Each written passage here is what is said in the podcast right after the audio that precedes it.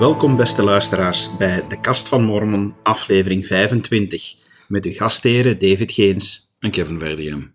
Jee, 25! Feestje, Kevin? Ja. Ben je ja. feeststemming voor nummer 25? Beetje wel, beetje wel. Het is een kwart van een honderd, dus eh, het, is, het is toch een beetje een mijlpaal. Ja, het is ook het dubbel van 12,5. En het is... eh allee, we kunnen zo van alles verzinnen waarom dat het feestje is, hè? Ja, het is bijna twee jaar dat we dit al doen. Ja, in oktober. Ja, de 19e zal het eh, twee jaar zijn. Die aflevering, daar gaan we iets speciaal van maken om twee jaar te vieren. Absoluut. Daar gaan we, daar gaan we iets mooi van maken.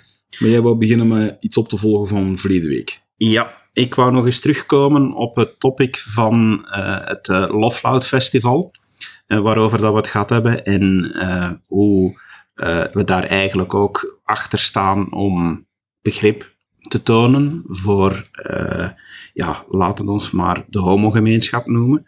Dus uh, vind ik allemaal fantastisch. Nu, in die periode ook, dat we onze podcast online hebben gezet, was er ook een documentaire op de evangelische omroep, Believer. Um, en die documentaire die gaat over Dan Reynolds, waarover dat we het ook hadden. Uh, van uh, Imagine Dragons. Ja, degene die ook de, het festival georganiseerd heeft, hè? Ja. Of, of toch mee georganiseerd. Ja. Nu, ik heb de moeite gedaan om de film, uh, om de documentaire eens helemaal te bekijken. de vorige keer had ik er snel wat stukken van, van bekeken. Nu, ik blijf daar toch een beetje met een wrang gevoel zitten bij, bij die documentaire. Ja, hoezo? Wel, ik vind ze nogal, nogal eenzijdig. Uh, laat ik het zo stellen, ik wil voor alle duidelijkheid zeggen van als die documentaire ertoe leidt dat er één jongere is wereldwijd die door die film geen zelfmoord heeft gepleegd, of dat er ene mormoon is die beseft wel, oh, misschien moet ik toch eens nadenken, en net zoals wij het de vorige keer ook hadden over ja, goed, van je kan misschien wel, wel homo zijn, maar je bent dan ook dit, dat, hè, de verschillende lagen waar we het over hadden. Dan vind ik die film al op zich fantastisch en dan heeft hij al fantastisch effect bereikt. Maar uh, ik vond hem als documentaire vond ik hem een beetje ondermaats. Het was een beetje de Dan Reynolds show.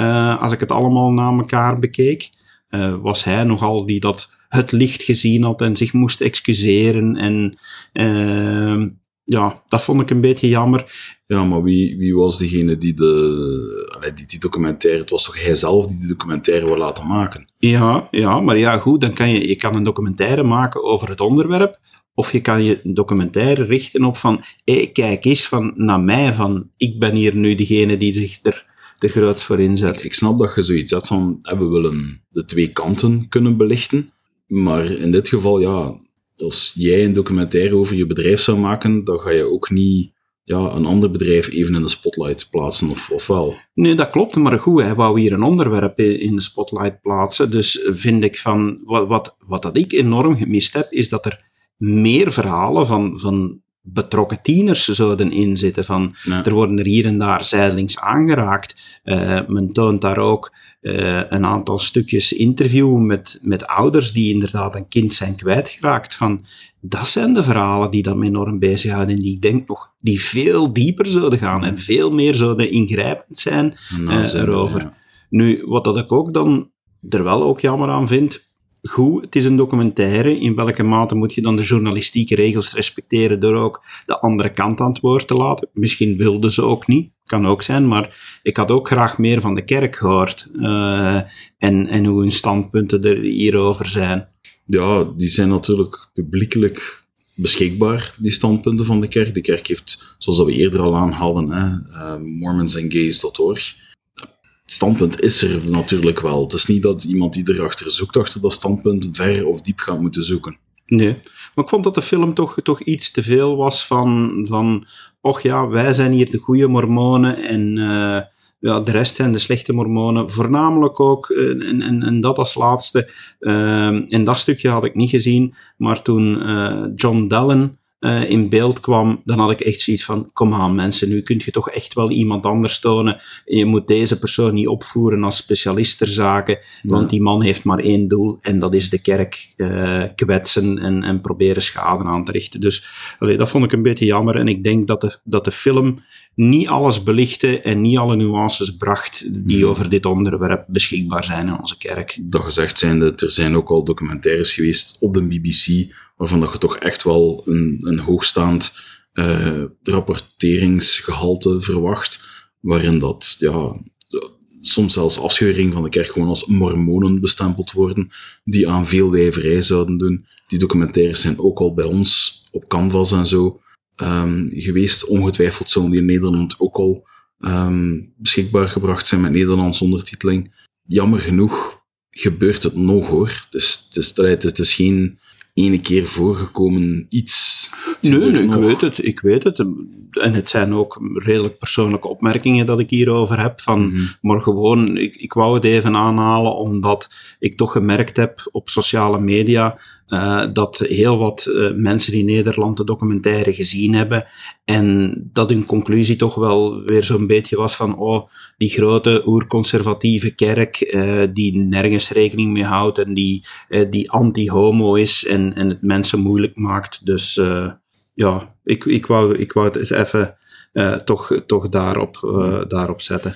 Om dan even naar iets anders over te springen. We hebben um, in Utah, dacht ik dat was, is er een man die in hongerstaking gegaan is, omdat hij het niet eens was met ja, ook een manier waarop de kerk gevoelloos zou zijn voor een bepaalde situatie.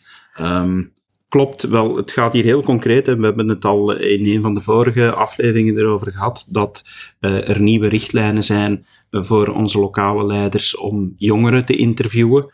En van, van kort samengevat, uh, een bezorgdheid die er is, omdat blijkbaar waren er toch bisschoppen en andere leiders die dat iets te ver gingen in hun vraagstelling wanneer eh, zeker over het punt, eh, wanneer ze de vraag stellen, ja, eh, leeft je de wet van kuisheid na? De, de, de wet die gaat over het seksueel beleving. Ja. Seksuele beleving, ja. ja. in die zin, ja, je moet je afvragen van, uh, waar, waar ligt de grens over van uh, weten wat nodig is om een jongere te kunnen begeleiden in het proces van bekering en hetgeen wat naar ongezonde seksuele interesses begint uh, te neigen. Ja, en ja, het wordt gezond is er misschien ook een beetje um, ja, open voor interpretatie in wat dat er biologisch en wat dat er geestelijk wenselijk is naar, naar seksuele zaken. Um, het kan biologisch heel normaal zijn dat je bepaalde gedachten of gevoelens of, of uh, impulsen hebt. Um, maar uw hemelse vader vraagt u eigenlijk om ja, uw geest, de, de, de geestelijke mens, dus niet de natuurlijke mens, maar de geestelijke mens, om die ja, daar controle over te laten uitvoeren. En dat je eh, dat heilig houdt en bewaart tot na het huwelijk. Um, ja, dus... volledig mee akkoord. Maar, maar als ik nu specifiek kijk naar, naar die leiders toe en, en de misbruiken die er geweest zijn. Kijk, Kevin, uh, laat ik er gewoon eerlijk in zijn in, in mijn mening van als een, een jongere inderdaad, uh, ik ga het voorbeeld nemen dat effectief ook gebeurd is. Uh, als een jongere gaat zeggen van, uh, bisschop, sorry, ik heb de wet niet helemaal nageleefd, ik heb gemasturbeerd. Ja, goed, dat is een bekentenis, dat is, dat is uh, de weg openzetten naar bekering. En dan vind ik dat perfect. Maar als die bischop dan vragen begint te stellen van, ja, en uh, wat heb je juist gedaan? En heb je hulpmiddelen gebruikt? Ja, en, en heb je een orgasme gehad? Ja, nee. Dat, Sorry. Dat uh, is, nee, nee. Ja. Laat dat heel duidelijk zijn. Ik begrijp way, way, way erover, absoluut. Ja. En, dat vind ik ook niet kunnen. Ja, ik, vind, ik vind het totaal niet kunnen. En, en dat, daar dus, dat er nieuwe richtlijnen zijn die nu heel duidelijk zeggen van kijk, eh, hier ga je aan houden. Dat zijn de vragen die je moet stellen. Ja, daar hebben we het al over gehad. En, en ik vind het goed dat dat... podcast was er in 23 was het? Of in 21? Ja, het was een, een van die van... Uh, ja, die... Dus wie, wie het nog eens wil beluisteren, ga gerust eens kijken op onze uh, op onze website. De topics staan er overal bij. Als je daar meer over wil weten, het is 21 of 23. Je wil er vanaf zijn. En ik vind het dus heel goed dat er heel veel aandacht voor is, want uh, onze jongeren moeten beschermd worden tegen misbruik. Ook binnen de kerk. Ja. ja. En we moeten niet altijd kijken van naar, uh, naar andere organisaties, al dan niet religieus. Ook binnen onze kerk gebeuren er dingen die, die niet kunnen. En daar ja. moet hard tegen opgetreden worden. We blijven een kerk die wel zwaar geleid wordt door Christus, maar ja, fysiek gerund door mensen.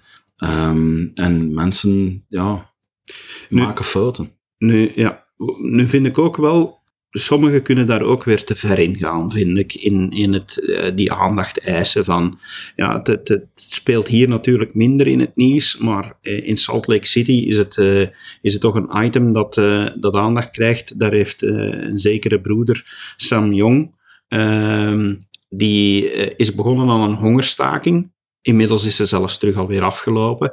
Die was dus begonnen aan een hongerstaking, omdat die eiste dat de kerk de richtlijnen nog zou verscherpen. En, en totaal geen interviews niet meer deed. En geen interviews meer deed met jongeren. Dat vind ik er dan weer volledig een ruk in de, in de tegenovergestelde richting. Want ja, neem me niet kwalijk, maar de, de vraag van, hè, leeft u de wet van keusheid na, is een vraag die aan volwassenen ook en aan jongeren ook dient gesteld worden, omdat dat nu eenmaal deel uitmaakt van of dat je waardig bent om naar de tempel te mogen gaan. Um, en ik vind het maar normaal dat daar vragen over gesteld worden. Uiteindelijk moet je die zelf naar alle eerlijkheid gaan beantwoorden. En uiteindelijk blijft het tussen u en hemelse vader. Uiteraard heeft uw bisschop de gave van onderscheiding. Hij is ook rechter in Israëls in, in dat opzicht. Dus het is perfect mogelijk voor een bisschop om te zeggen van ik heb het gevoel dat je hier iets achterhoudt. Houd jij iets achter? Dat kan, dat kan gevraagd worden. Ja, dat kan gevraagd worden, maar dan, dan moet hij ook tevreden zijn met ja-nee antwoorden ja, op dat punt. Maar inderdaad, ik ben het er ook mee eens van het is een vraag die moet gesteld worden en ze staat nog altijd in het lijstje, dus ze is die geschrapt. En, maar wat dat ik nu schokkend vind, is dat een lid zulke manier gebruikt om, om de kerk te gaan veranderen. Te gijzelen bijna, hè? Ja, vooral omdat hij ook zegt van kijk, ik, ik hou hier een hongerstaking, ik zit hier elke dag uh, vlak bij Temple Square en iedere dag nodig ik een van de apostelen uit om hier naast mij te komen zitten en met mij te praten. Uh, ja, zo werkt het ook niet in onze kerk. Hè, van, We weten dat de kerk geleid wordt door Jezus Christus, maar we weten ook dat in onze kerk het zeer zeker mogelijk is om als leden uh, aan te geven dat we bezorgd zijn over iets. Uh, onze kerk is, staat daar zelfs redelijk voor open. Van, ze is begonnen door, door een jongeman die, die, de vraag, die een vraag stelde over zijn geloof. Dus vragen stellen kan zeker in onze kerk, maar ik vind om er dan een hongerstaking voor te beginnen, dat is, dat is eigenlijk je eigen wensen gaan proberen op te leggen. En dan zit ik mij af te vragen, als je ook zo kijkt van hoe die, de media eh, in Amerika telkens opnieuw elke dag een persbericht stuurde van en vandaag nodig ik die uit en vandaag nodig ik die uit. Ja, dan vraag ik me eigenlijk nog af, beste broeder Jong, uh, draait het om de kinderen die je wil beschermen? Want het, uh, zijn dochters, al twee dochters of zo, en die hadden ongepaste vragen gekregen. Ja, ja, ja. ja. en ik kan zijn bezorgdheid goed begrijpen, hè. Maar dan had ik echt zoiets van broeder Jong van, draait het nu dag nog daarom of, de, of draait het om de, de, de schijnwerpers op u te richten? Ja. En vooral, vooral omdat dan ook van, als je een beetje verder zoekt, en dat is dan ook weer, en je moet toch door het nieuws soms wat doorspitten, dan kwam je op een verklaring van de kerk die zei van, kijk, we delen de bezorgdheid van broeder Jong, en een van de algemene autoriteiten heeft al een gesprek met hem gehad. Dus als je al kan zeggen van ik heb een bezorgdheid en een van de zeventigers nodig je uit om daar een paar uur over te praten, dan kan je toch niet meer gaan zeggen van dat de kerk niet geluisterd heeft naar je bezorgdheden. dus ik, ik vind ja, van goed, het is, het is een goede bezorgdheid. Ik vind dat we alles moeten doen om onze jeugd te beschermen, maar uh, je moet, moet toch ook niet overdrijven in de manieren waarop dat je dat doet. Oké. Nu, we hebben het al over seksuele dingen gehad. Om de bal een beetje in dezelfde richting te laten voortrollen. Jij hebt met iemand gesproken. Ja, ik heb met uh, een van onze broeders gesproken, broeder Jacques van IJzeren. Uh, hij is politieagent in Nederland. Meer bepaald is hij, uh, ja, hoe moet je het noemen, jeugdagent. Ja, aan jeugd verbonden. Ja, hij is degene, het aanspreekpunt, de vertrouwenspersoon als jeugd politie nodig heeft. En ehm, hij wist me iets te vertellen waar ik eigenlijk van achterover viel. Met name dat de helft van zijn tijd, die hij tegenwoordig besteedt uh, aan jongeren die een probleem komen melden, dat dus die tijd besteed wordt aan het probleem omtrent, omtrent sexting. Laat ons eens uh, luisteren naar het interview. Dus, Wel, uh, juist daarom raad ik iedereen aan om hier nu eens heel aandachtig naar te luisteren. Want, uh, zeker zowel, als je kinderen hebt. Zeker als je kinderen hebt als ouders. Ik denk dat je heel verrast gaat worden over de dingen die Jacques vertelt, uh, hoe wijdverspreid het probleem is. Het is zeker geen ver van ons bed, dus uh, oortjes open. Beste luisteraars, vandaag hebben we Jacques van IJzeren bij ons. Hij is uh, politieagent en komt in zijn beroep in aanraking met jongeren. En we praten vandaag met hem over het onderwerp sexting. Nu, Jacques, welkom in, in onze show. Goedenavond. Alles prima met jou? Ja, zeker. Dankjewel. Dankjewel dat je, dat je ons te woord wilde staan en dat je, dat je ons even wil uh, helpen duiding geven bij dit onderwerp. Maar voor we daaraan beginnen, van, uh, misschien even voor jou de kans om, om jezelf even voor te stellen aan onze luisteraars. Van wie ben jij en uh, ja, vertel me wat over je background. Oké, okay, Jacques van IJzeren. Ik ben bijna 51 jaar, getrouwd met de liefste vrouw van de wereld, met Brigitta. Ik woon en ik werk in Vlissingen en omgeving, hier in Nederland. En ik ben politieagent, zoals je al zei. En eigenlijk in het bijzonder werk bij de jeugdpolitie. Oftewel, ik werk alleen maar met jongeren. ik zeg altijd van min 9 maanden tot 18 jaar. En dat is eigenlijk in de, vooral in de preventieve sfeer en een beetje in de repressieve sfeer. Ja, nu hoe kom jij eigenlijk dan, dan in, in aanraking met, uh, met jongeren omtrent het onderwerp sexting? Nou, ik werk nu zo'n tien jaar bij de jeugdpolitie en ik eh, merk de laatste drie jaar dat het eigenlijk uh, ja, meer dan de helft van mijn tijd uh, opslokt. Daarnaast hebben we nog problematiek zoals alcohol, um, een beetje drugs en uh, ja, allerlei problemen die zo rondom je jeugd spelen. Maar dit is met name drie jaar geleden op, onze radar gekomen omdat we zagen dat er steeds meer conflict onder jongeren speelde. Waar een, diepere uh, onderlaag onder zat. En vaak bleek dat sextings te zijn. Nou, uiteindelijk zijn we ons daarin gaan verdiepen. En inmiddels spreek ik altijd met jongeren als ik ze spreek, ongeacht de aanleiding, ook over het onderwerp sexting. Ja, en dan blijkt het een groot probleem te zijn. Ja, misschien, misschien even voor onze luisteraars, uh, want misschien is niet iedereen mee wat sexting juist is. Van misschien kan je, kan je dat even uitleggen wat daar allemaal onder valt. Oké, sexting is eigenlijk een, uh, een verzamelnaam voor uh, alle beeld- en videomateriaal wat seksueel getint is, wat jongeren, maar ook volwassenen naar elkaar sturen. En sexting is eigenlijk een samenvoeging van twee woorden, seks en texting. En dan krijg je die twee samen sexting. En het jammerlijke van het woord vind ik dat het altijd een beetje een sexy klank heeft, maar uh, het is verreweg van sexy, want het is vaak uh, ja, pornografisch of hardpornografisch materiaal waar uh, ja, wat veel schade aanricht bij betrokkenen en de omgeving. En, en waarom dan die schade? Want uiteindelijk, ik kan me inbeelden dat het, dat het meestal heel onschuldig begint. Dat het is van, hey, stuur me eens een, uh, ik zal het nu maar braaf een leuke foto noemen. Stuur me eens een leuke foto van, van jou door. Uh, dan heb ik die bij me om altijd aan jou te denken. Wat, waar zit de schade dan in, Jacques? Um, de schade zit voornamelijk in het feit dat dit materiaal niet tussen deze twee jongeren, laat ik maar vanavond alleen spreken over jongeren, vaak niet alleen tussen de jongeren blijft. Maar wanneer de relatie of de verliefdheid over is, zie je vaak dat dit materiaal toch gedeeld wordt met anderen. Al dan niet met kwade opzet. Maar je kan je ongetwijfeld voorstellen als er een, een naaktfoto of een filmpje van jou uh, online gaat, dat je daar niet gelijk op zit te wachten. Dat heel de school of heel de wereld eigenlijk mee kan kijken hoe jij eruit ziet of wat je hebt gedaan.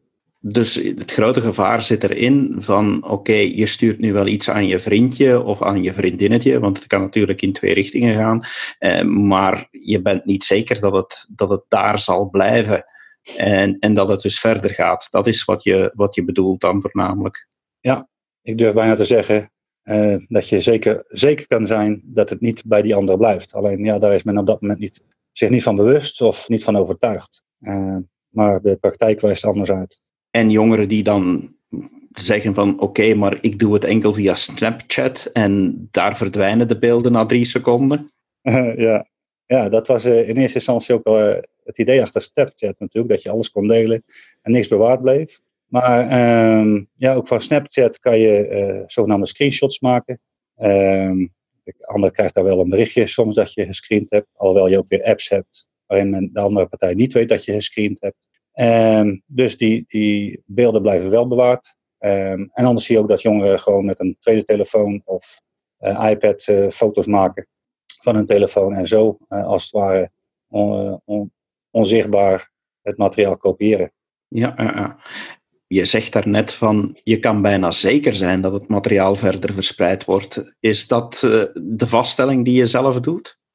Ja, dat is mijn, uh, mijn idee daarover. Uh, ik vergelijk het altijd een beetje met een geheim dat je hebt. Uh, niemand kan een geheim bewaren, zeg ik altijd. En dat is ook een beetje het voordeel van mij als politieagent. Want uiteindelijk wil iedereen wel iets vertellen. Maar ook dit is natuurlijk ja, eigenlijk een soort geheim materiaal. En ja, op de een of andere manier ben je toch trots op. Of wat we nou vanuit die kant maar kijken, dat je het toch met aan een ander wil laten zien. En ja, laten zien is vaak niet alleen fysiek laten zien, maar ook gewoon doorsturen. Maar het meeste zie, zie ik voorbij komen natuurlijk wanneer het fout gaat. Dat er met kwade opzetten beelden worden doorgestuurd naar de vriendengroep. In de, of dat het op Instagram wordt gezet of in een WhatsApp groep gezet. En ja, dan is het leed wat, zo vaak niet te overzien. Want dan zie je dat ze zich zo schamen en depressieve klachten ontwikkelen. bang zijn voor hun omgeving. ja, noem het maar op. Dat gaat inderdaad wel heel ver van, uh, want je zou denken van oké, ja, schaamte, dat is, dat is nog ergens misschien een beetje te overwinnen, maar uh, veel, veel slachtoffers krijgen dan ook, als ik het zo hoor, krijgen te maken met depressies en ja, misschien nog wel, wel een stukje verder dan depressies. Ja. ja, dat zijn wel de excessen. Ik moet zeggen dat ik dat zelf zover nog nooit mee heb gemaakt. Uh, de excessen die je vaak in de media hoort, zoals zelfmoord, die heb ik nog niet meegemaakt van dichtbij. Wel gelezen en gehoord natuurlijk. Um, maar ik krijg wel eh, regelmatig uh, jonge meiden voorbij die niet meer naar school willen.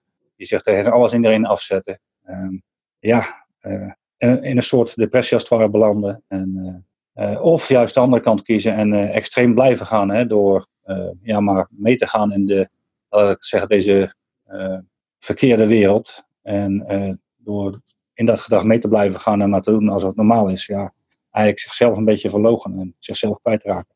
Kom je dan soms ook in gevallen in aanraking met een soort van chantage, waar men zegt van kijk, ik heb nou al een, een beeld van jou en je borsten en als je nu niet nog meer stuurt, dan zal ik die al verspreiden? Ja, ja is uh, een van de uh, vaak gebruikte uh, manieren op. Ja, meestal is het natuurlijk dat jongens dit richting meisjes doen. Hoewel het ook wel een, aantal keer andersom is geweest. Maar ik zie de meeste slachtoffers als meisjes voorbij komen. Die inderdaad uh, uh, toch een keer een uh, blote borst hebben gestuurd. Of iets anders bloot. En ik, ik, ik, ik, zit nu even te denken over het woordgebruik wat ik doe. Wat ik gebruik hier vanavond in de uitzending. Want ik zal eerlijk zeggen, ik heb daar soms moeite mee op mijn werk om even de knop om te schakelen. Maar dan ga ik wel in de taal van de jongeren spreken. Dan hebben we het niet over borst, maar dan hebben we het gewoon over tieten. En dan gaan alle vleeswaren komen heel plat voorbij. Maar dat is wel de taal waarop ze met elkaar spreken en waarop ik merk dat ik uh, de verbinding met hen kan, uh, kan maken. Ook als het gaat over seksuele handelingen verrichten. Maar ik zal proberen hier vanavond een beetje gekuist te houden. Um, maar als we het hebben over, uh, ja, vaak denken, hè, blote borstenfoto, dat is het. Ja, was het dat maar. maar het gaat vaak gewoon verder. Dat meisjes zichzelf bevredigen, een filmpje ervan maken, rondsturen. En ja, als dat eenmaal gebeurt, ook met die blote borsten, dan is het voor jongen heel makkelijk om te zeggen van ik wil meer.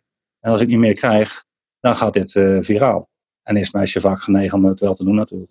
Ja, en dan zit je natuurlijk in een spiraal die, ja. uh, die heel, uh, ja, heel ver kan gaan, kan ik me wel inbeelden. Maar is dit dan iets, uh, want je, je, zei, en daar schrok ik wel van, moet ik eerlijk zeggen, dat, dat de helft van je tijd dat je daarmee in aanraking komt, dus dit is niet beperkt tot, tot de enkeling van. Het is niet van dat je is één meisje in, in heel uh, jaar van, van een school tegenkomt. Het is blijkbaar dan toch wel heel wijd verspreid. Absoluut. Ik ben ervan overtuigd dat ik zelf nog maar het topje van de ijsberg zie.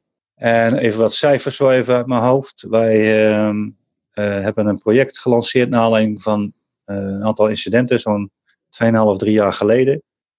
om met deze kwetsbare meiden, zei we eerst, maar uiteindelijk hebben we het maar kwetsbare jongeren genoemd dat ook jongens toch wel degelijk ook slachtoffer zijn. Um, en in uh, iets meer dan twee jaar tijd sprak, hebben we ruim 300 jongeren behandeld die problematiek hadden uh, op het gebied van sexting. En dan ging het van simpele doorsturen van uh, foto's waarin sprake was van een zekere gelijkwaardigheid, dezelfde leeftijd, dezelfde seksuele ontwikkeling. Tot het meest extreme dat ze in de loverboy-sfeer vervielen. Dat zijn er maar uiteindelijk drie geweest. Maar van die 300 zeg ik van, ehm, dat is echt het topje van de ijsberg. En als je een aantal onderzoeken ook leest, dan zie je cijfers die heel divers zijn. Uh, minimale wat je ziet is dat 9% aan sexting doet, tot 33%. Ik zeg, nou als we nou een mooi middenmoot houden, laten, we, laten zeggen dat 1 op de 4 doet. En als ik zelf zo met jongeren spreek, en normaal zeg ik, spreek ze er altijd op aan. Um, ook als ik bij een melding kom, wij zijn spreken van een meisje dat, nou noem eens iets geks, gepakt was omdat ze het veel had gedronken in het weekend. dan heb ik daarnaast altijd ook met haar nog over sexting. En ik heb nog geen één gesprek gevoerd um, waarin de jongeren aangaven dat ze niet bekend waren met het onderwerp. Um, natuurlijk geven ze niet allemaal aan dat ze het zelf ook doen. Maar ze zien het allemaal van heel dichtbij voorbij komen. En ik durf de stelling wel aan dat 1 op de 4, 1 op de 5 het gewoon doet. Dus nou, kijk altijd maar even naar een schoolklas. Hier in Nederland zijn ze gemiddeld zo'n 30 in de klas. Dus dan heb je er gewoon uh, uh, minimaal 6 in je klas zitten die dit doen. Wauw, dat is wel ja, het woord is misschien niet helemaal gepast, maar dat is enorm indrukwekkend qua cijferaantal. Want ik heb eens even gekeken en ik heb eens wat aan het zoeken geweest in welke mate ik cijfermateriaal kon vinden. En dan vond ik bepaalde studies die toch soms heel uiteenlopend, maar dan zie je, dan zegt men 3% van de jongeren, 6% van de jongeren. Maar jij staat effectief in het veld en je zegt nee, dit is echt wel veel meer. Ja, absoluut. Ja, en ik ben ook, hè, want die rapportages die ik dan gezien heb, die gaan uh, deels over inderdaad uh, wetenschappelijke studies. Deels zijn zelfrapportages van jongeren. Maar um, eigenlijk de grootste boodschap die ik heb voor volwassenen is dat ze over het algemeen geen flauw idee hebben wat op dit gebied speelt bij jongeren. We zijn, dat is mijn grootste zorg, dat we als volwassenen de verbinding kwijt zijn als het gaat over de seksuele ontwikkeling van onze jongeren. En dat is zowel denk binnen als buiten de kerk het geval. Ja. En ja, is dit nu iets, een probleem wat voornamelijk een, een tienerprobleem is? Of wat is qua leeftijd? Vanaf welke leeftijd zie je het opduiken? De meeste jongeren die ik spreek op, met dit, op dit uh, gebied zijn tussen de 13 en de 17 jaar. En dan meer richting de 13 dan naar de 17. En uh, ja, er was ook nog een studie uh, van 2017 was die, waarin uh, cijfer naar voren kwam dat de gemiddelde leeftijd waarop een jongere voor het eerst met pornografisch materiaal wordt geconfronteerd in Nederland, was toen 11 jaar. Uh, ik durf de stelling aan dat het ondertussen wel is gezakt naar 10 jaar. En die, stelling durf ik gewoon aan, want ik zeg zo, op het moment dat je een jongere een smartphone geeft, en, uh, waarbij die ongebreide uh, of onbeperkte toegang heeft tot internet, ja, dan komt het gevraagd of ongevraagd gewoon voorbij. En uh, dat zagen we ook in de projectgroep uh, Kwetsbare Jongeren voorbij komen, waarin een uh, beleidsambtenaar van de gemeente ook zat, die twee dochters had. En toen het project startte, zat hij net voor het middelbaar. En dat is hier de leeftijd 12, 12, 13 ongeveer. En ze was naar het middelbaar en binnen drie maanden zei hij, ze heeft de eerste beelden al voorbij zien komen. Ik zei, ja Gert-Jan, ik had je gewaarschuwd. En dan hebben we het niet over een man en een vrouw die wat voor onze normen onkuise handelingen verricht, dan hebben we het gewoon over keiharde porno. En daar zit dan volgens jou een, een heel deel van de oorzaak dat, uh, dat jongeren zo gedreven worden door seksuele beelden dat, dat ze het vrij normaal vinden en er niet meer bij nadenken om ook aan sexting te doen.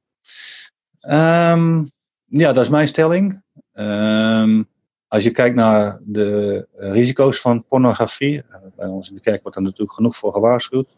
Ook studies uh, wijzen het aan, dat wanneer je wordt blootgesteld aan pornografisch materiaal, dan uh, is de kans groot dat je een toenemende tolerantie hebt ten aanzien van seksueel geweld. Een seksistische man-vrouwbeeld ontwikkelt, positiever gaat denken over seksueel afwijkend gedrag.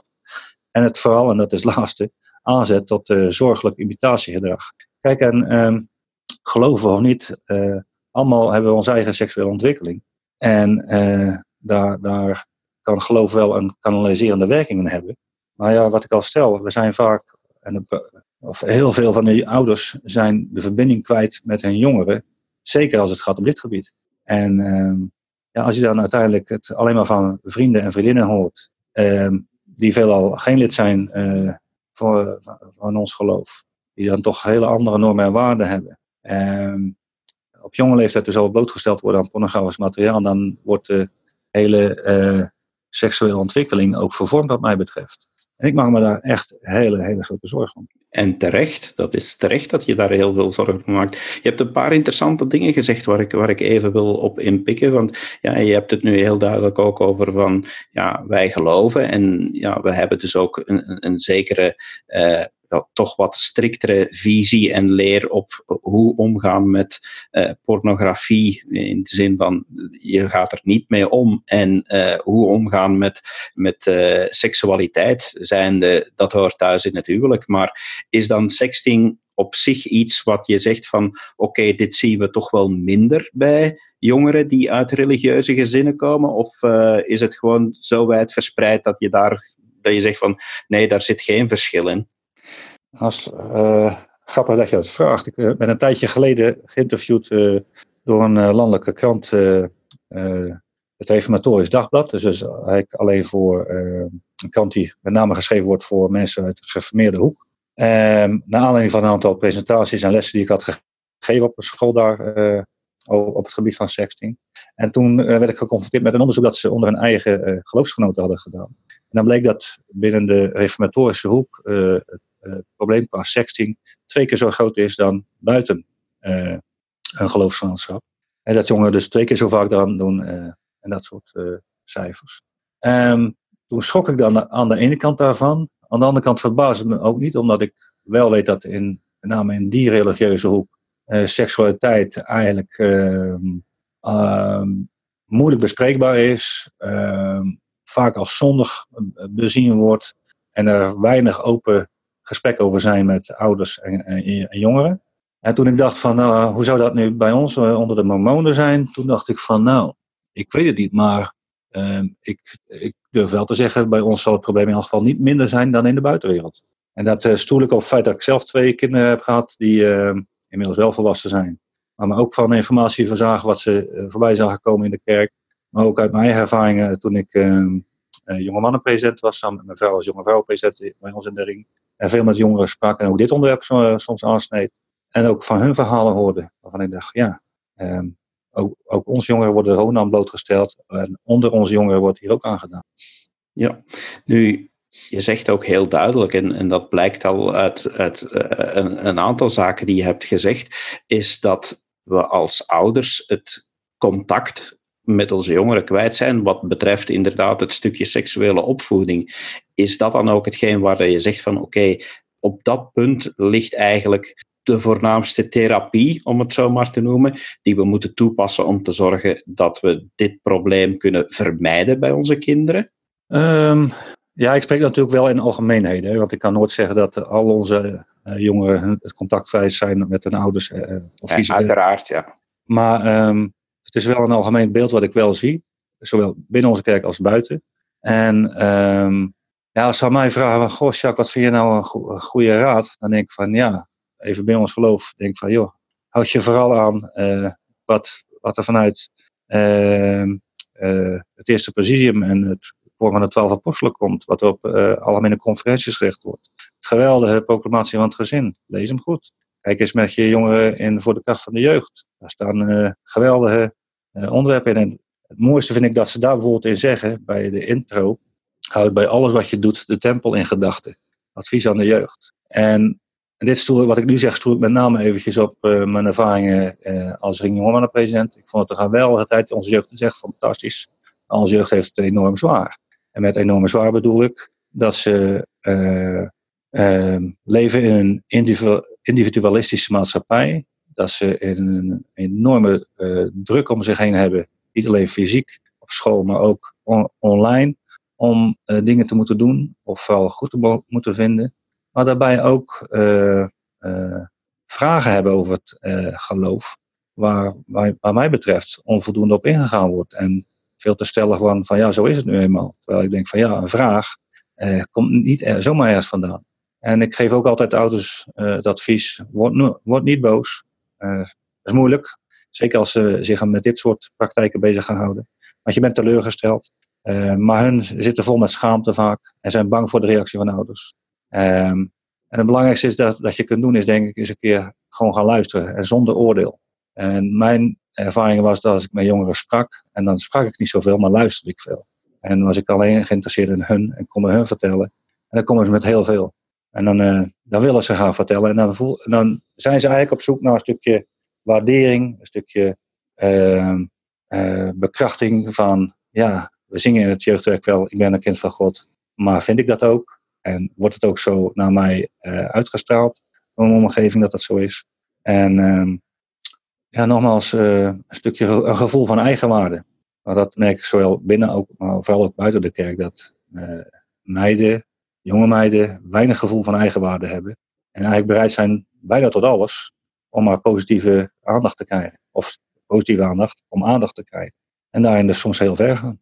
Dat is inderdaad heel opmerkelijk wat je daar nu zegt. En is, is een heel mooi advies om, uh, om dat toch even zo, zo bij stil te staan. Want je zegt heel duidelijk van oké, communicatie is heel belangrijk. Zorg dat je met, met je kinderen hier kan over praten. En zeker dat je kan luisteren. En communicatie is vaak, uh, de kunst is, is vaak om beter te kunnen luisteren dan te praten. Dat, uh, dat weet ik ook. Dat geef ik beroepsmatig ook heel vaak mee als advies. Maar uh, dat wat je zegt over die eigenwaarde, dat is natuurlijk een heel belangrijke vaststelling. Want ik denk dat we dat als ouder soms niet, niet aan denken. Want uiteindelijk, eigen kind, mooi kind, uh, zeggen we vaak. En, en er wordt vaak toch gezegd van ja, we moeten opletten dat we onze kinderen niet te veel bekrachtigen. Maar jij stelde hier nu toch van ja, maar je moet toch opletten, want er zijn heel wat kinderen die met een te laag zelfbeeld rondlopen. Ja, en uh, kijk, de, uh, de hele buitenwereld is natuurlijk uh, in rap tempo zich verder aan het verwijderen van onze normen. Ehm, als ik kijk hoe, hoe het was toen ik, uh, ja, zou maar zeggen, 14, 15 was. Toen was uh, het enige bloot wat je kon zien op de televisie. Ik was toen nog geen lid van de kerk. Uh, dat waren blote borsten. En dat was s'avonds na 11 uur. En nu zie je natuurlijk uh, al naakt, ja, eigenlijk de hele, hele dag. zowel op tv, maar op internet is het ja, tot het meest absurde uh, zo vrij verkrijgbaar. En ik kan de radio niet aanzetten of ik krijg een, boodschap van secondlove.nl. Eh, flirten buiten je relatie, waarom niet? Dus het is een, een, een, een wereld waarin deze jongeren nu opgroeien die echt fundamenteel anders is dan die van ons. En uh, daarbij komt dat we ze eigenlijk niet hebben kunnen of willen opvoeden op social media gebied. Want het is voor ons als volwassenen natuurlijk ook een wereld die heel vluchtig, heel snel kwam. En waarin onze jongeren ons eigenlijk al voorbij hebben geschreven qua kennis. Maar waarin ze, we ze niet hebben geleerd om ook voor zichzelf op te komen. Maar om, om, wat ik zeg, dat gevoel van eigenwaarde te behouden. En dat niet alles per se gedeeld hoeft te worden of aan alle verlangens hoeft te voldoen. En als dat voor ons als volwassenen al een, eh, een struggle is, hè, wat moet het voor de jongeren zijn? Ik, ben, ik vind het bijvoorbeeld fantastisch dat president Nelson en onze profeet sinds kort uh, op zijn hoge leeftijd uh, onder andere adviseert aan de jongeren: neem eens een, een weekje uh, vrij van social media. Ik heb het zelf gedaan en ik merkte hoe moeilijk dat voor mij was. Ehm, niet alleen beroepsmatig, maar vooral privé. En ehm, op het moment dat je op zo'n manier met je jongeren in gesprek gaat over het gebruik van de smartphone, over het gebruik van social media, zonder oordeel, dan is het heel moeilijk. Want je weet ook dat het voor jezelf misschien best wel verslavend is om te kunnen whatsappen, te kunnen facebooken, te kunnen insta of snappen. Um, maar ga er wel over in gesprek met je, met je jongen wat mij betreft. En vraag ze vooral om jou, jouw dingen te gaan leren. Want ze kunnen je een heleboel leren. Dat doe ik, vraag ik ook altijd aan. Wat zijn de laatste apps? Wat zijn de nieuwste trucjes? En ze komen met de mooiste voorbeelden.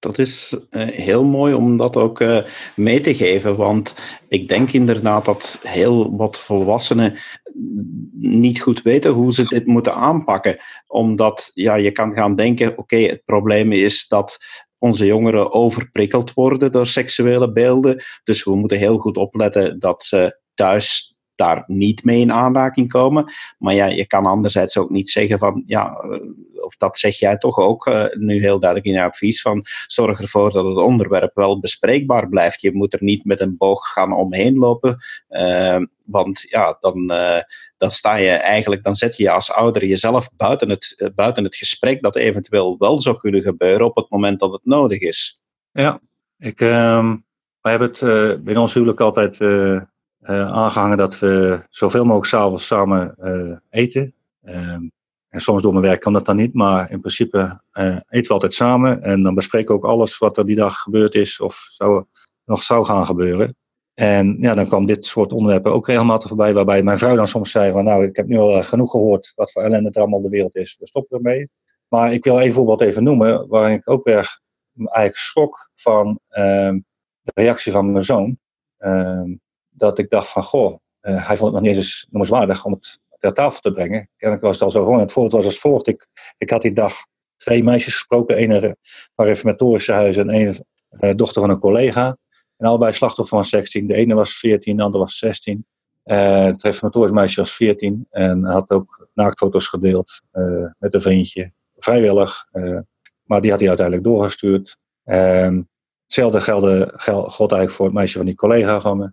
Um, beiden hadden ook seksuele handelingen verricht, of laten verrichten bij zichzelf tegen hun zin. Maar vonden dat geen verkrachting, want ja, het was toch een vriendje. Um, en toen ik daar ik vroeg op een gegeven moment ook aan, aan, aan hen van hoe vaak vragen jongens aan jullie uh, of jullie seksuele handelingen willen verrichten. Um, en dan zitten ze gewoon op hun vingers te tellen en dan, dan tellen ze door naar tot tien en verder. En dan denk ik, hoe is het mogelijk dat jongens dit zomaar durven te vragen? Dus ik was daar echt een beetje ziek van. Ik vertel dat s'avonds thuis aan de tafel. En uh, terwijl ik het vertel, vraag ik aan mijn dochter die tegenover me zit, Melissa, hebben ze dat eigenlijk ooit aan jou gevraagd? Eigenlijk met de gedachte, als dat zo is, dan wil ik weten wie dat is geweest, dan ga ik het maar even opzoeken. maar uh, maar mijn zoon die stoot me gelijk aan, Björn, en die zegt, pa, natuurlijk niet. Nou, voor degenen die mijn dochter kennen, die weten, het is een lieve meid. soms misschien ook wel eens een beetje te lief. Maar ik weet, als je dingen bij haar doet die zegt niet wil, dan gaan de klauwen altijd uit hek. Dan is het de kat die de nagels laat zien. Dus ik begreep zijn opmerking wel. Maar toen zei hij vervolgens, hij zegt, pa, en hij zat toen in het vierde van het middelbaar. Hij zegt, vorige week nog was er nog een filmpje van een meisje die, uh, bij ons uit de derde klas. Die deed de Tower Bridge. En ik dacht bij mezelf, de Tower Bridge? En hij zag me kijken uh, en denken. Hij zei, je weet niet wat dat is, hè? Ik zei, nee. Ik kan me wel iets bij voorstellen. Ik heb er ook geen idee van. Dus ik, kan me, nee, ik, nee, ik, probeer nee, me nu ook voor te stellen wat het is. Dus, dus ik zei, nou ja, ik kan me voorstellen. Misschien heeft dat meisje gebukt gestaan. En dat ze toen seks heeft gehad met de jongen. Hij zei, nou, dat meisje stond gebukt. En uh, ze had seks met twee jongens. één van voren en één van achter erin. En die jongens hielden ondertussen hun handen vast. Dan heb je het dus over een meisje HAVO 3. Um, dan heb je het over een leeftijd van 15 jaar. Die eigenlijk gewoon naar groepseks doet. En dat laat filmen. En het vervolgens ook heeft verspreid ge gezien. Ik weet niet of dat met toestemming was of zonder toestemming. Ik vermoed zonder toestemming. Maar mijn zoon, um, en dat, dat frappeerde mij dus, vond dat niet een aanleiding om dat s'avonds te bespreken. Van, goh, nou heb ik dan een filmpje voorbij zien komen. Terwijl we eigenlijk altijd alles bespreken. En dat is voor mij ook weer een bevestiging. Van, onze jongeren krijgen zoveel ellende voorbij. Dat het sommige dingen ook ja, bijna gewoon voor hen worden. En ik merk dat aan mezelf als ik het heb over dit onderwerp. Ja, als ik die presentaties geef, dan laat ik ook materiaal zien wat weliswaar uh, geanonimiseerd is. Dus je ziet geen geslachtsdelen en geen gezichten. Maar het is wel duidelijk wat er verder te zien is. Maar als ik de letterlijk naakte plaatjes zie, ja, ondertussen choqueert het mij niet zoveel meer, omdat ik het al zoveel heb gezien. En dat is natuurlijk ook wat onze jongeren overkomt. Als je rekent dat je vanaf je tiende, elfde gemiddeld bloot wordt gesteld aan pornografisch materiaal, dan hebben we het niet over softporno, maar, maar gewoon over harde porno. Ik zie beelden voorbij komen met, zelfs met dierenseks. Nou ja, dat zien onze jongeren dus ook. Dan denk ik van ja, wat voor materiaal je voorbij ziet komen. Wat voor idee ontwikkel je dan van seksualiteit als daar nooit over gesproken wordt? Want ik zeg altijd, we maken wel schapjes over seksualiteit en seks. Maar uiteindelijk is het iets heel erg moois en, dierbaars. Um, wat binnen het huwelijk hoort. En de, waarvan ik denk, als je dat besmeurt zoals Satan dat eigenlijk heeft gedaan of doet. Ja, uh, levert dat enorm veel schade op. Uh, voor jezelf, maar ook voor je omgeving. En nogmaals, um, ik denk dat de reddende lijn is om het er vooral met onze jongeren over te hebben. En vooral onze eigen kwetsbaarheid er ook durven neer te leggen. Want ik, ik zeg ook altijd, ik, wanneer ik met jongeren spreek, ik ga geen vinger naar je wijzen. Doe ik maar één keer om te zeggen dat het stom is wat je hebt gedaan. Maar ik heb zelf zoveel stomme dingen gedaan vroeger. Uh, waar ik ook spijt van heb. En ik zeg, daarom spreek ik vandaag met je. Om te kijken hoe we het weer kunnen herstellen zo goed als mogelijk. En hoe we vooral verder kunnen gaan. Ik, ik, ik, ik, uh, ik heb het ook altijd over Stephen Covey. Met uh, zijn, zijn boek, De Zeven Eigenschappen van Effectieve Gezinnen. Vind ik een fantastisch boek. raad ik iedereen aan. Stephen Covey. inmiddels overleden, maar ook een bekend Mormoons schrijver. Inderdaad, ja. en wat hij ook zegt over de manier waarop je een gezin effectief organiseert en effectief niet als een gedrilde machine, maar als een affectief gezin als het ware. Ja, hij staat daar steeds de, de spijker op zijn kop. En dan denk van, joh, wanneer we gaan luisteren zonder oordeel, wanneer we gaan luisteren om niet te veroordelen, maar om te helpen, dan gaan dingen de, de, betere kant op in plaats van de slechtere kant. Ja. Dus hoewel ik weliswaar een, een, een zwaar hoofd in heb in, in de seksuele ontwikkelingen van onze jeugd op dit moment, zie ik ook nog wel degelijk lichtpuntjes. Want ik zie natuurlijk binnen het geloof wat we hebben en de, de, raad en richtlijnen die ons daarin gegeven worden, heel veel kracht en steun. En ik moet ook zeggen, de, de keer dat ik met jongeren uh, heb gesproken uh, over dit onderwerp en jongeren mij apart hierover spraken, ehm, ja, dat dat dan ook heel veel steun biedt. Om te zeggen van, joh, ons geloof moet echt een geloof, is echt een geloof van liefde. Want Christus staat altijd op ons te wachten. Hij staat altijd met zijn armen open. Hoe, hoe ver je ook van, van de weg bent, maakt niet uit. Het is alleen, wat wel uitmaakt is welke kant ga je op. Ga je verder van de weg of wil je juist naar hem toe? En op het moment dat je ze voelen dat ze geliefd zijn ehm, en ehm, vergeving altijd mogelijk is, echt een kind van God zijn, ehm, ja, dan zie je ze langzaam op gaan bloeien. En dat heeft er mij, en ook mijn vrouw uh, altijd toegebracht om uh, ja, alles voor onze jongeren te doen. Ja, we noemen ze onze jongeren in de tijd, maar voor de jeugd in de kerk, maar ook daarbuiten te doen. Want ja, ze zijn het waard. Ja, ze zijn het zeker waard.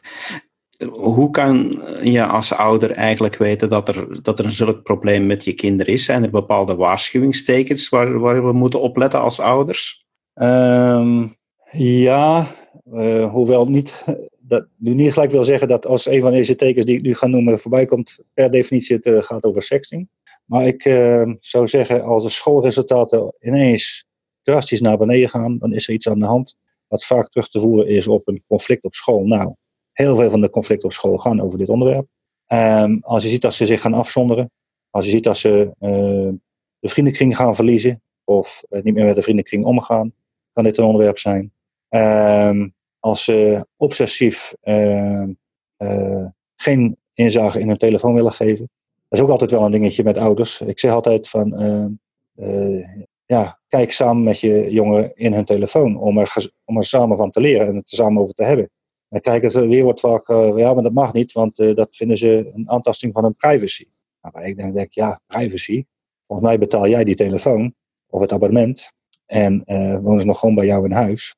En ben je om niet alleen vader of moeder van te zijn, ook soms nog degene die de regels stelt. En natuurlijk hoeven ze niet alles te vertellen, maar wanneer je absoluut geen enkele toegang krijgt tot de telefoon van je kind, dan moeten alle alarmbellen gaan rinkelen. En dan hoeft het niet per se over sexting te gaan, maar dan gaat het wel over materiaal wat ze ja, dus absoluut niet willen of willen delen. En ja, het is vaak, vaak ook strafbaar materiaal. Uh, wat ik dan zie is, naast de sexing zie ik ook natuurlijk veel over drugs voorbij komen. Uh, wiet, blowen is een, en wat mij betreft een groot probleem onder de jeugd hier in Nederland. Wij hebben natuurlijk een gedoogbeleid, ik weet niet hoe dat in België precies zit. Je ziet dat er heel veel jongeren hier blowen. En ja, dat zie je natuurlijk op de apps ook voorbij komen. Um, dus, dus ja, hè, geen enkele inzage in de telefoon mogen hebben. Uh, ruzies op school, schoolresultaten slecht. echt, echt verslechteren, laat ik het zo zeggen dat ze duidelijk beneden hun kunnen gaan presteren. Um, en de vriendenkring die uh, zich opeens afkeert van hen. Ja, je zegt heel rake dingen, want ik kan er zelf over meegeven dat inderdaad, ik heb ook twee jongens, twee tienerjongens, als ik al de afgelopen maanden ergens ruzie, en dan bedoel ik echt ruzie gemaakt, want we zijn een gezin waarin, waarin eigenlijk heel weinig ruzie gemaakt wordt, zelfs tot bijna nooit. Maar mm. de twee keren die ik nu onmiddellijk voor de geest haal, was inderdaad discussies van geef die telefoon hier, ik wil daar nu in kijken. Nee papa, je mag niet, dat is mijn privacy. En ja, tot twee keer toe dat ik inderdaad ook zag van, zie je wel dat je iets wilde verbergen? Um, ja. Zonder te gaan op wat het, wat het juist was, maar, maar inderdaad, je hebt daar volkomen gelijk in. Ik denk, denk dat het toch wel heel belangrijk is. En daarmee wil ik niet stellen dat ik denk uh, dat het nodig is dat je, dat je gaat uh, als een havik gaan, gaan waken over ieder uh, dingetje dat ze doen op die telefoon, want dat is ook onmogelijk. Uh, er moet ook vertrouwen zijn, uiteraard, vind ik toch. Maar ja, het is toch wel belangrijk dat, uh, dat zoals jij zegt, dat je daar samen kan naar kijken en dat je daar uh, toch uh, dat je daar kan over blijven praten. Nu, misschien een beetje als, als laatste vraag, als, als afsluiter van, denk je heel specifiek naar, naar onze geloofsgemeenschap van, uh, denk je dat we, dat we als geloofsgemeenschap, als mormonen, dat we iets specifiek kunnen doen om, omtrent dit probleem, om, om onze jongeren daar weerbaarder in te maken? Um, ja, dan bedoel je die we binnen ons geloofsgenootschap uh, uh, echt leren, zou ik maar zeggen, als geloofsovertuiging. Maar ik denk dat dat ook hetzelfde zou gelden voor hierbuiten. Uh, ik denk als je uh, s'morgens samen met je kinderen bidt en voor hun bidt bij naam. Als je s'avonds wanneer je gaat slapen samen met hen bidt en ook voor hen bidt bij naam. Dat dat al heel veel helpt. Dat je samen met hun de schriften leest. En niet alleen leest, maar het ook over hebt. En hun laat vertellen wat hun gedachten en ervaringen zijn.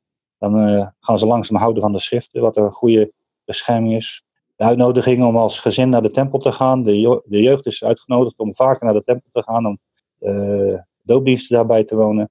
En als je ze laat, ga, gaat laten houden van de tempel, dat dat een uh, mooi beschermende factor is. Ja, en uh, voor de kracht van de jeugd is werkelijk voor de kracht van de jeugd. En ik heb in mijn tijd als jongerenpresident gemerkt dat het helaas vaak een gesloten boek is thuis. Ook bij de jongeren zelf, maar ga er maar doorheen op je gezinsavond of in je gesprekken. Goh, hoe denk je over? En dan onderwerpen zoals daten, um, kleding en uiterlijk, uh, seksuele reinheid. Uh, staat met name benoemd en wordt prachtig beschreven door een uh, minister Presidium dat heel veel voor jeugd over heeft. En ik denk dat we heel veel profijt uit trekken om dat te betrekken in de opvoeding van onze jongeren. Ja, wel, Jacques, ik ben enorm onder de indruk van. Ik ben heel blij dat we de tijd hebben genomen om hierover te praten. Want ik denk dat. Uh, ik, ben, ik ben alleszins van een aantal zaken enorm geschrokken uh, van, uit dit gesprek. En geschrokken eigenlijk, zowel in positieve als in negatieve zin, dat ik toch nu besef van. hé hey jongens, dit is wel een onderwerp wat zeker bespreekbaar moet zijn. En ik hoop dat we met uh, onze uitzending kunnen bijdragen dat heel veel ouders zich misschien bewust worden van iets waarvan ze zich niet bewust waren. Dus ik wil jou ook enorm bedanken voor de openheid waarmee je uh, hierover gepraat hebt. En uh, dat je toch uh, met al je kennis ter zake, dat je heel wijze dingen gezegd hebt. En dat de mensen die hier naar luisteren, denk ik toch wel eens, even stil gaan worden bij alles wat je gezegd hebt. Dus enorm dank je wel. Nee, dank jou, David. het was mij genoeg en ik ben heel bedankt voor de gelegenheid om via dit medium ook mijn mijn zorg, maar vooral mijn boodschap ook te kunnen delen. En uh, vooral dat we ook uh, ja, niet uh, te veel in de paniekstand moeten gaan uh, schieten. Want ehm, nogmaals, het is niet bij alle jongeren. Maar ik denk dat het goed is dat we bewust zijn dat al onze jongeren er wel mee geconfronteerd kunnen worden. En ehm, dat ze gebaat zijn bij heel veel liefdevolle betrokken ouders. Want naast dit zijn er natuurlijk nog genoeg andere onderwerpen waar ze juiste keuzes in moeten zien te maken. En daar hebben ze ons gewoon bij nodig. Dus dankjewel voor deze tijd en uh, de gelegenheid hier met boot. Dankjewel, Jacques. Ik word hier eigenlijk een beetje stilletjes van, Kevin. Ja, ik toch ook wel. Het is, het is verschieten, hè? Als je sommige dingen hoort van, van dat zoveel jongeren, een kwart van de jongeren, en vanaf een leeftijd van 11 jaar hiermee te maken krijgen, dat is... Uh, het is frappant. Ja, ik, ik wist niet dat het zo wijd verspreid was, toen mij onmiddellijk reageren als ouder van ik moet met mijn kinderen praten. Mm -hmm. Ik moet weten of dat zij daar slachtoffer van zijn en ik moet hen daar weerbaar tegen maken. Of dader. Ik wil kinderen nu niet specifiek gaan beschuldigen, maar we moeten er ons ook bewust van zijn dat er altijd twee partijen zijn in dit verhaal en dat het heel goed zou kunnen zijn dat, dat dat uw kinderen zelf ongepaste vragen aan anderen gesteld hebben. Hè? Ja, inderdaad, kan ook. Van. Maar wat vind jij ervan, van zijn opmerking dat uh, volgens de vaststellingen die hij doet en voornamelijk volgens dat onderzoek dat er gebeurd is uh, bij de reformistische kerken, dat bij jongeren die nog actief betrokken zijn in, ja, bij religie, mm -hmm. dat het cijfer nog hoger ligt? Ik denk dat dat veel te maken heeft met grenzen opzoeken. We hebben weet niet of je dit verhaal ooit gehoord hebt, maar de kerk heeft op een gegeven moment echt letterlijk moeten zeggen van kijk jongens, um, je mocht dit niet meer doen, want seks mocht binnen het huwelijk, En wat waren er dan een paar slimmerikken gaan doen? Die waren met een auto met een paar koppels in langs een wedding chapel in Las Vegas gegaan. Dan de daad gesteld waarin ze wettelijk gehuwd waren. En daarna een annulment zijn gaan vragen. Dus dat opzoeken van grenzen is niets nieuw. Ik denk dat dit echt iets is van onze tijd nu. En dat ook gelovige jongeren zijn als individu bezig met seksualiteit. Elk opgroeiend kind dat in zijn puberteit komt, krijgt hormonen die ja, het hoofdje aan draaien brengen. Op allerlei verschillende manieren. Alleen hebben ze nu technologieën die wij toen wij jonger waren helemaal niet hadden. De vraag is, zou dat ook niet gebeurd zijn? Moesten we, um, moesten we die technologie pakweg 50 jaar geleden al gehad hebben? Ik ben het met je eens dat de technologie nu een middel is die het makkelijker maakt en die dit fenomeen veroorzaakt. Maar voor mij was het echt een verrassing dat het cijfer hoger ligt uh, binnen religieuze gemeenschappen. Maar ik ben er gaan over nadenken na dit interview. En dan realiseerde ik mij van, hmm, eigenlijk is daar weer een logische verklaring voor. Want ik denk dat je altijd met het fenomeen zal zitten dat zeker op die leeftijd het geheime, het verborgene, het verbodene heel aantrekkelijk is. een aantrekkingskracht heeft. En dat misschien heel veel ouders erover aarzelen om hier openlijk over te spreken met hun kinderen. En Hoeveel zijn er zich ook bewust van het, van het gevaar? zeer specifiek van seks. Hopelijk, ja, zeer specifiek over sexting, maar algemeen over seksuele opvoeding. Ik denk, ja, het is voor iedere ouder een raar moment. Eh, de dag dat je, dat je moet zeggen van, ja nee, die bloemkool en die ooievaar hebben er weinig mee te maken. Ja, dat zijn geen gemakkelijke gesprekken. En ik kan me inbeelden dat binnen de christelijke traditie dat nog voor een stukje moeilijker ligt. Dat die preutsheid misschien nog groter is. Maar je ziet wat dan het effect daarvan is. Dan zie je dat je de kinderen niet weerbaar maakt voor iets wat er toch sowieso is. En dat, je, dat de kans groter is dat datgene wat je probeert te verzwijgen ertoe leidt dat ze veel sneller slachtoffer zouden ervan worden. Ik, ik volg je ook in die, in die preutsheid die het erover gaat. Want je bent als jongere, ja, jij hebt het nu niet meegemaakt, ik wel.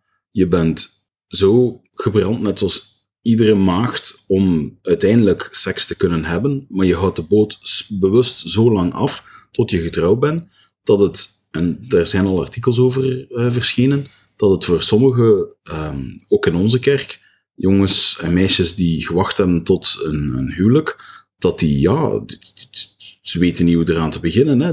Dat, leidt soms tot problemen en, en, en schuldgevoelens. En um, het is, het is een heel, heel dun, slap koord uh, dat bewandeld wordt.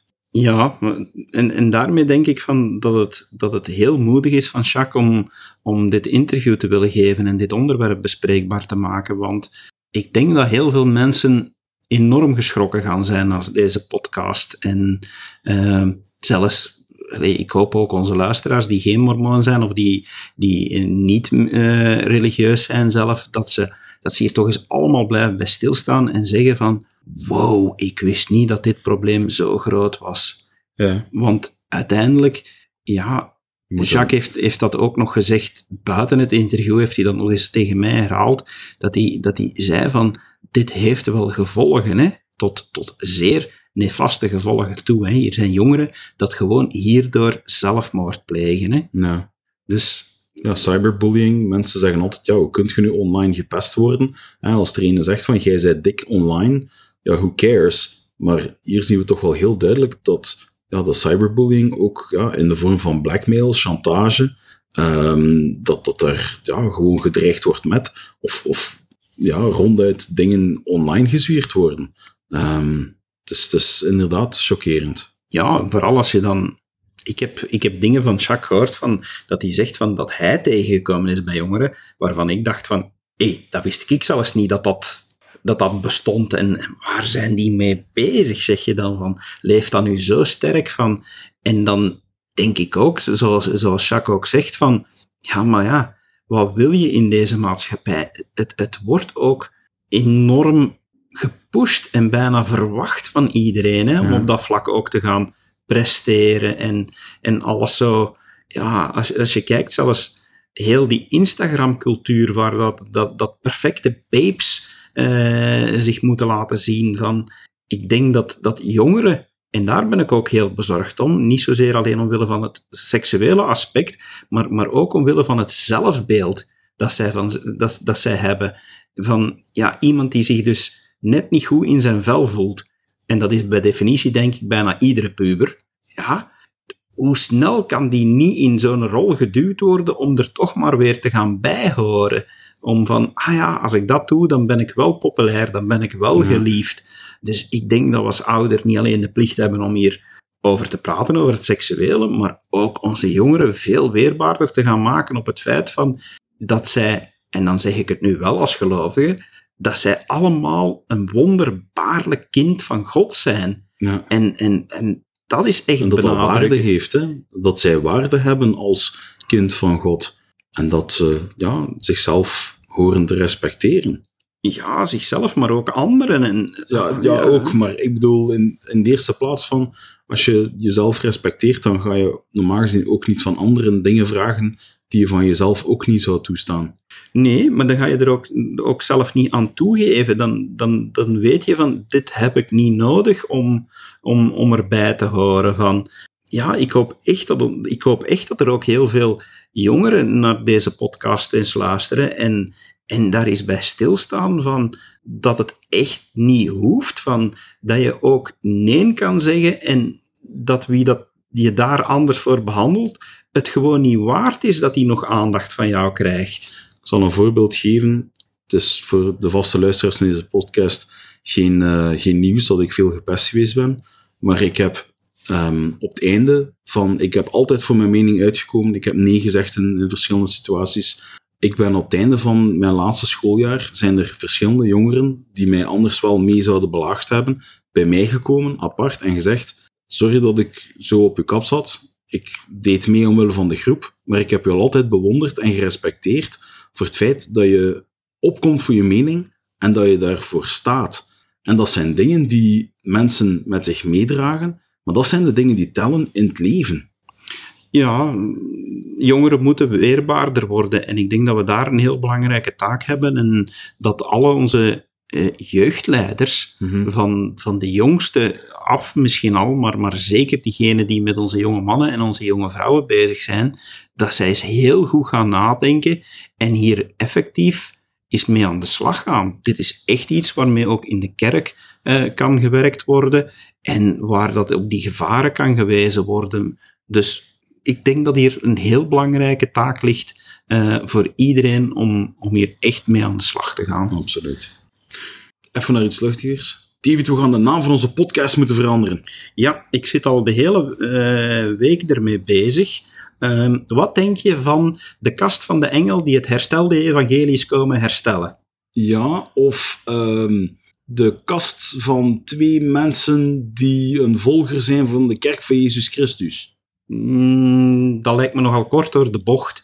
Volgens mij kan je beter zeggen van eh, het is de podcast van de heiligen der laatste dagen die leden zijn van de kerk van Jezus Christus van de heiligen der laatste dagen. Ja, sommige mensen denken dat we helemaal zot geworden zijn op dit punt. Misschien moeten we even toelichten waarover dit gaat.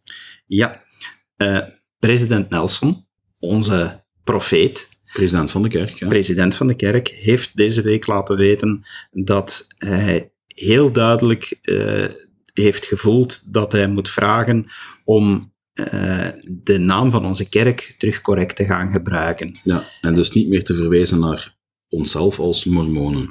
Nee, we wisten al in de, in de regels, eh, in, in de style guide, werd al gezegd van oké, ja, spreek niet over de Mormoonse kerk, eh, maar eh, de juiste naam is de kerk van Jezus Christus van de Heilige der Laatste Dagen.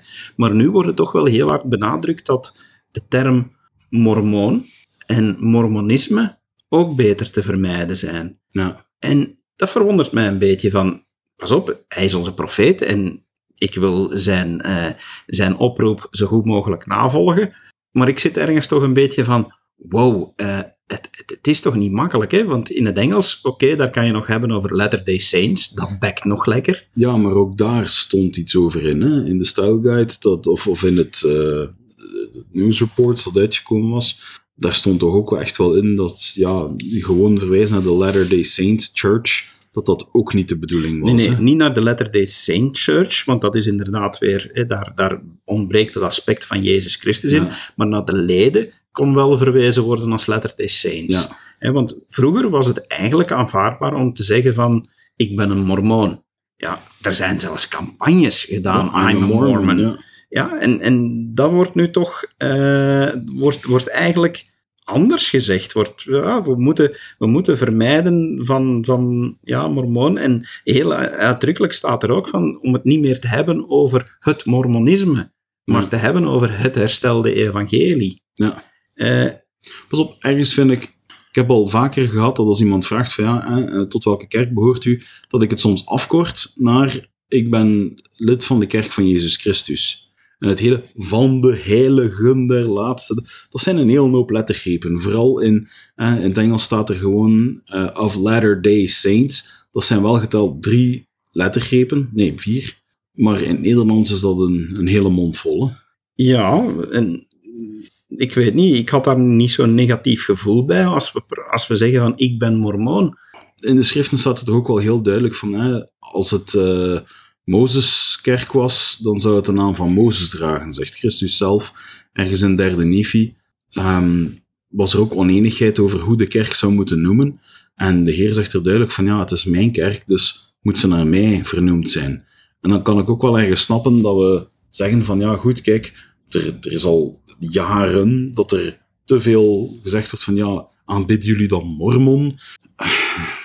Dat verwijt heb ik toch al een paar keer naar mijn hoofd geslingerd gekregen. Ja, en daar ben ik het volledig mee eens. Ik ben het er ook mee eens dat we zeker niet moeten praten over de Mormoonse kerk. Ja. Ja, ik ben het er volledig mee eens dat we heel duidelijk moeten zeggen de kerk van Jezus Christus, als we het in kort willen zeggen, en als we het volledig willen zeggen, de kerk van Jezus Christus van de heilige der laatste dagen. Daar kan ik volledig in volgen. Ja. Maar het stukje dan, ik ben mormoon, ik weet niet, bij mij wrong dat nooit van. Ik heb, ik heb daar nooit een slecht gevoel bij gehad van. Anders, anders moeten we naar royalty gaan kijken. Hè? Prins, de, de, de member, de, de, de, De van de kerk van Jezus Christus van de heine laatste dagen, formerly known as Mormoon. Ja, zouden we ook kunnen doen van. Het, het gaat toch. Ah, er, gaat, er gaat zoveel moeten veranderen. Van, ik, ik ben ook. Ik denk ook Mormon.org. Mormon.org. Wat gaan we daarmee doen? Mormon Newsroom. Ja, ja onze eigen eh, Mormon website. Messages. Ja, inderdaad. Van, maar ook eh, mormonennieuws.org. Ja. Eh, moet dat nu allemaal gaan veranderen? Eh, Ja, Misschien moeten, moeten we maar zorgen dat we bepaalde domeinnamen al vastleggen, nog voor en leer dat we deze podcast de wereld insturen. dan vind ik eigenlijk dat de kerk eindelijk eens werk zou moeten maken van de TLD die ze zelf heeft opgericht. Trouwens, over Ja. TLD's gesproken, misschien even eh, verduidelijken wat dat juist is, want hier ben ik dan als techneut. Ja, je hebt internetadressen zoals www.dekastvanmormon.info. Ja, de TLD is het laatste stuk, is de .info. Je hebt dan eh, de .be voor Belgische sites, .nl voor Nederlandse sites. Maar zo is er een paar jaar geleden enorm veel bijgekomen en eh, konden organisaties ook zelf hun eigen TLD's gaan oprichten. En onze kerk heeft er zelfs twee laten registreren, nooit effectief in gebruik genomen, maar .lds En Is- punt Mormon. en .mormon. Ja. Dus Ik heb het ook raar gevonden, want ik, ik weet nog, ja, ik volgde dat ook op de voet toen dat die nieuwe TLD's uitkwamen. En dan had ik echt zoiets van, hoe gaat de kerk hier nu? Want ik zag die daartussen staan en ik had iets van, wow, wanneer gaan die uitkomen en wanneer gaan die in gebruik worden? En dan had ik zoiets van, ja, moeten we dan, ja, hoe werkt dat dan praktisch gezien? Want je kunt, ja, nu hebben we lds.org, dat dan lds.mormon of lds.lds? Leek zo onnatuurlijk. Ja, maar daar waren oplossingen voor. Hè. Van, eh kun je inderdaad gewoonweg www.lds gaan doen. Eh, dus ik vond het wel goed, want op die manier zou je kunnen zeggen van oké, alles wat op .lds eindigt, zijn de officiële websites. Ja. En als het niet van de kerk is, eh, of als het van de kerk is, dan weet je dat het moet eindigen op .lds. En als die .lds er niet staat, dan weet je, oké, het is niet van de kerk. Daarmee niet gezegd dat het goed of slecht is, Ja. maar dan weet je alleszins van, ja, de sites die bewust proberen sites van de kerk na te doen, ja, die zouden zo op die manier heel snel opvallen. Mormons en gays. Bijvoorbeeld. is ook zo'n website, mormonsandgays.lds, dan we inderdaad geweten van, maar ook die een URL gaan moeten veranderen. Hè? Wel, ik vraag me af wat dat ze gaan doen met lds.org. Want ja, dat is toch al latterdaysaints.org. Gaan ze daar nu de Church of Jesus Christ of latterdaysaints.org van maken?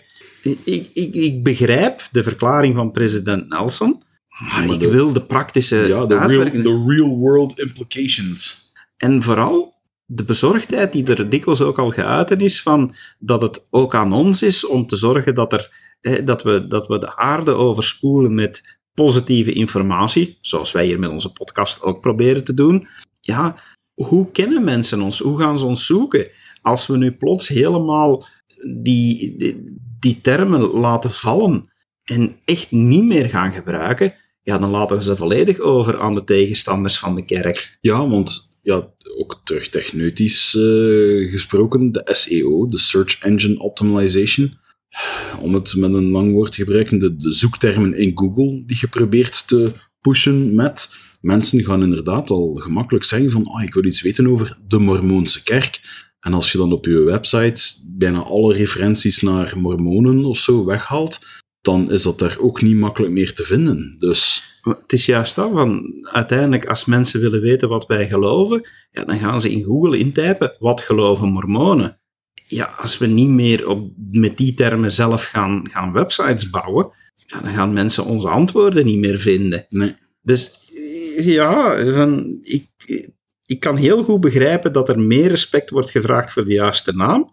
Maar ik wil toch eens echt alle gevallen. Ik blijf een beetje op mijn honger zitten. Ik had zoiets van: ja, maar als je dit aankondigt, kom dan ook al met een reeks andere antwoorden. Wel, er was gezegd dat er al op verschillende niveaus ehm, verschillende leiders binnen de kerk al de opdracht gekregen om hieraan te, te werken. En het is echt zo van, het nieuws is er gekomen en ik heb zo het gevoel dat wij als wereld dat tegelijk bijna te horen gekregen hebben als de leiders die er iets aan moesten gaan doen.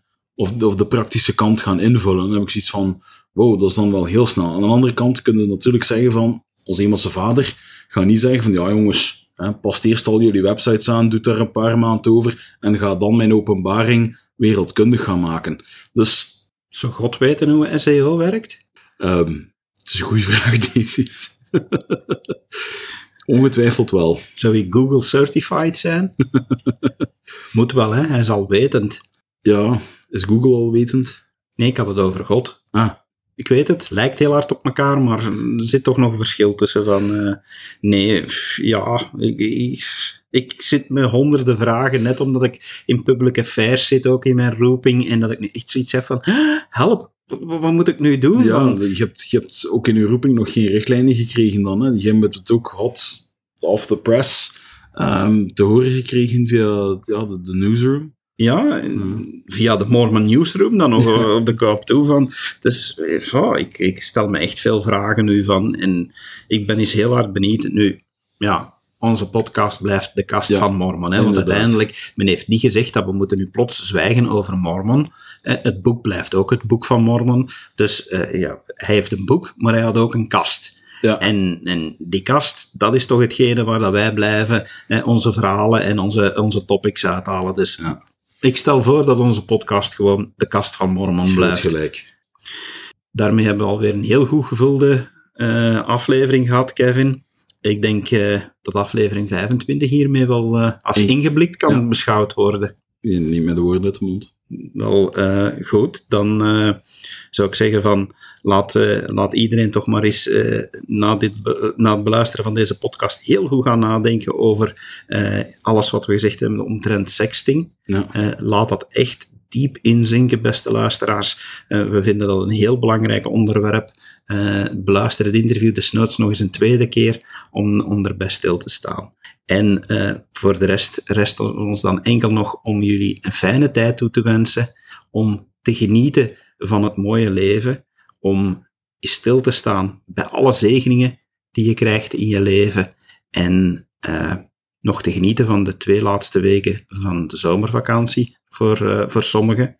Ja. En dan En klaar te zijn terug voor school. En zoals gebruikelijk, als je vragen hebt, alsjeblieft, stel ze ons. We hebben opnieuw over de aflevering van vorige week heel veel reacties gekregen. op de, de, ja, de artikels die je gepost hebt, David. Ja, zeker bedankt ook voor alle reacties over borstvoeding. Het uh, was zeer opmerkelijk dat daar uh, toch wel heel wat meningen over bestonden. was zeer boeiend om dat allemaal te volgen op onze Facebookpagina. Dank je wel daarvoor. Dus blijf dat zeker doen. Ja, en je kan ons altijd vragen stellen via die Facebookpagina of via... Um, ons e-mailadres e kan je ook gebruiken van zeg het maar. Zeg het maar, dat was het. Ik zat te denken aan vraag het maar. Het is zeg het maar at dekastvanmormon.info. Ja, dat komt allemaal terecht. Uh, en geniet nog uh, van uh, alles waar dat je kan van genieten. Dat vinden we ook heel belangrijk. En dan zeggen we tot de volgende keer. Dag.